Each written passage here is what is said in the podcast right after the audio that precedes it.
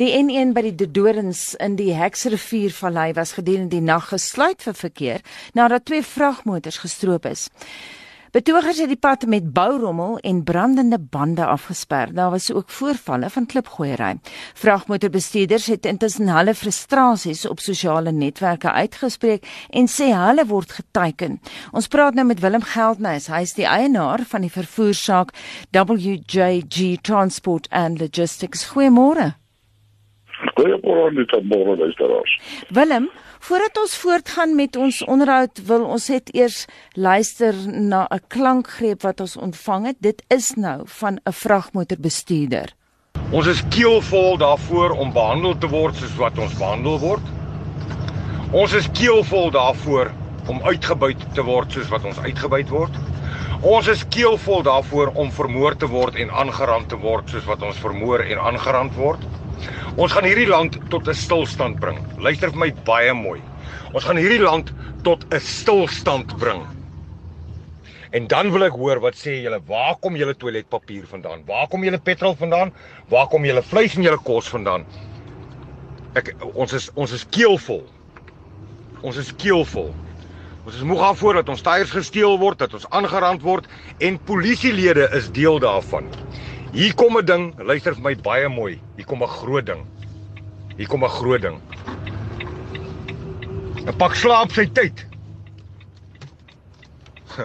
Is baie beter as brood en konfyt. Sjoe, wel sprekende man daar uh, Willem het nou daarna geluister. Een van jou kollegas vir luisteraars wat die nuus gemis het die N1 by die Dorings in die Heksriviervallei was gedurende die nag gesluit vir verkeer nadat twee vragmotors gestroop is. Willem kan jy identifiseer met da wat daardie uiters gefrustreerde en welsprekende man sê? Dit is definitief so. Ehm um, ek dink jy weet ons vra met die bestuurders is meer werklik mense wat lang ure werk wat 'n diens lewer aan die land uh wat sorg dat die winkel wakker vol bly. En ja hulle lewens is net in gevaar. Ehm um, Ek is amper 40 jaar in die bedryf van Nita en as ek vat veral die laaste 4, 5 jaar hoe dinge versleg het op die op die pad.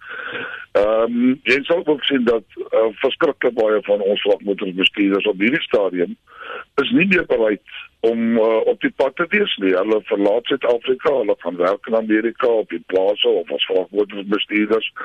En ek kan daai frustrasie verstaan. Ehm um, dit is 'n daaglikse gebeurtenis nou. Dit is 'n absolute kriminaliteit ehm um, wat aan die gang is.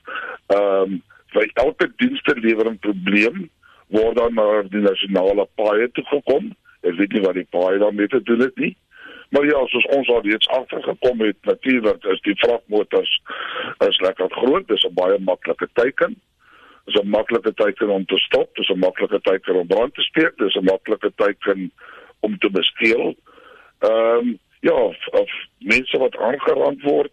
Ek het onlangs 'n baie goeie vriend uh, verloor in 'n petrolbom aanval op 'n vragmotor. Ehm um, so ja, en dit dit dit is aan die orde van die dag. Waar is dit die ergste in die land? Dit is ja, so so dit was almal besef dat dit alles begin op die N3. Uh die N3 het seker die grootste aantal gevalle daarvan gehad. Ons vind deesdae baie groot intimidasies in Mpumalanga. Uh en ja, ons het ook in die laaste 3, 4 maande dit ook uh heel uh groot ondervind in die Weskaap op die N1, die N7 sowel as die N2 roetes. Uh so ja, ek dink dit is uh Anita wat my aanbetref definitief dis 'n georganiseerde misdaad wat ek dit noem.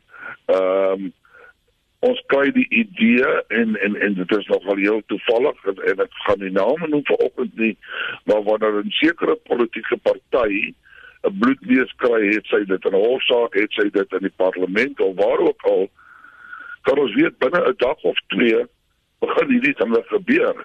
Dit is saam met die ITDF uh, wat natuurlik uh, nou al 'n bekende organisasie in die land is en wat uh, staan agter die storie van buitelandse werknemers wat dit lankal nie meer is nie.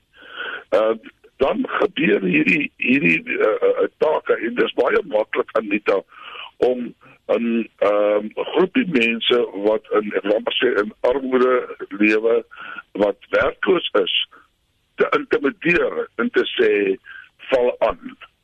En dit is presies wat ons sien wat dwars deur die land gebeur. Dis klein groepies skoorhof wat dan hierdie vragmotors begin aanval onder die vaandel van ehm uh, dienste lewering. En ek en ek, en ek dink dit is absoluut dis barbaars, uh dis krimineel. Uh ons sien dit daagliks. Ek dink julle het seker hoeveel van hierdie videoklips gesien. Hmm. Die polisie staan daar, die polisie doen niks daaromtrent nie. Ehm um, Ja, ons kan seker aanvaar hulle het die, die getalle nie en hulle kan nie ter duisende kilometers dwars deur die land beman nie.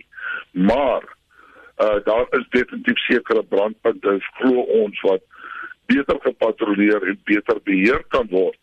Maar ek het nie baie lank terug met 'n baie senior polisiebeampte gepraat en ek het die vraag aan hom gevra: "Hoekom tree julle nie op nie in so 'n geval nie?" En sy sy antwoord was reg het aan my gewees tree ons op, word ons vervolg. Ons hande is gebind.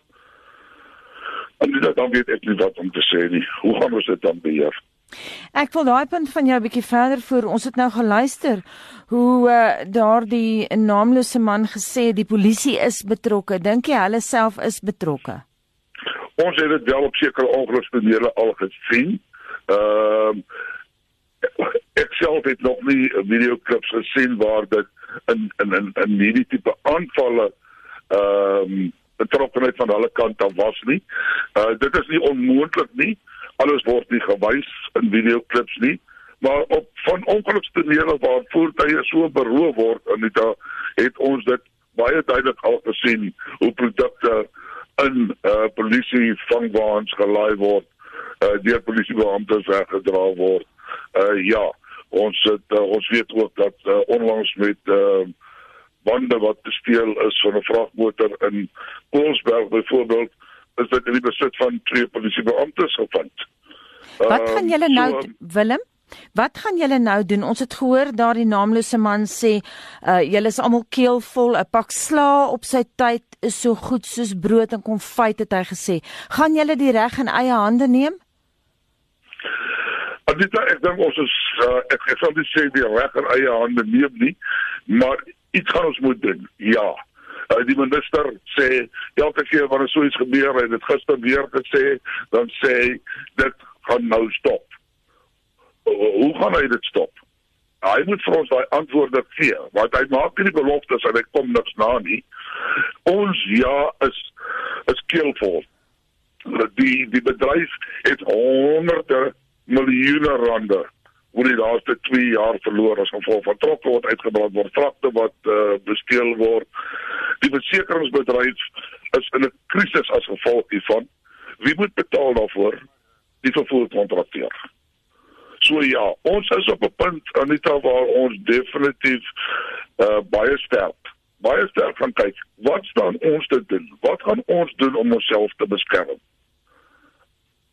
Daar daar sal definitief 'n oplossing moet kom en ek dink die tyd het aangebreek dat ons seker binnekort ons eie en daar was nou sal moet begin hou en uh besluite neem van ons landboikot uh hou um om soos die persoon gesê die land tot stilstand te dwing ten koste van onsself weer eens. Ehm uh, maar as dit die as moet dan moet dit. Ehm um, gaan hulle dan iets doen, gaan die regering dan iets doen om dit te stop?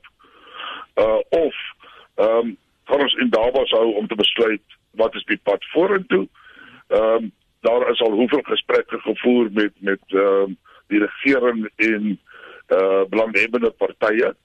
Ehm um, daar gebeur net niks daarom sê nie Anita. So ja, ek dink ek dink keelvol is is is is nog 'n baie kalm woord waar ons op hierdie stadium onsself bevind. En uh, ek dink definitief daar is ehm um, daar is is 'n dinge aan die kom in die baie nabye toekoms. Baie dankie en so sê Willem Geldnys, hy's die eienaar van die vervoersaak WJG Transport and Logistics.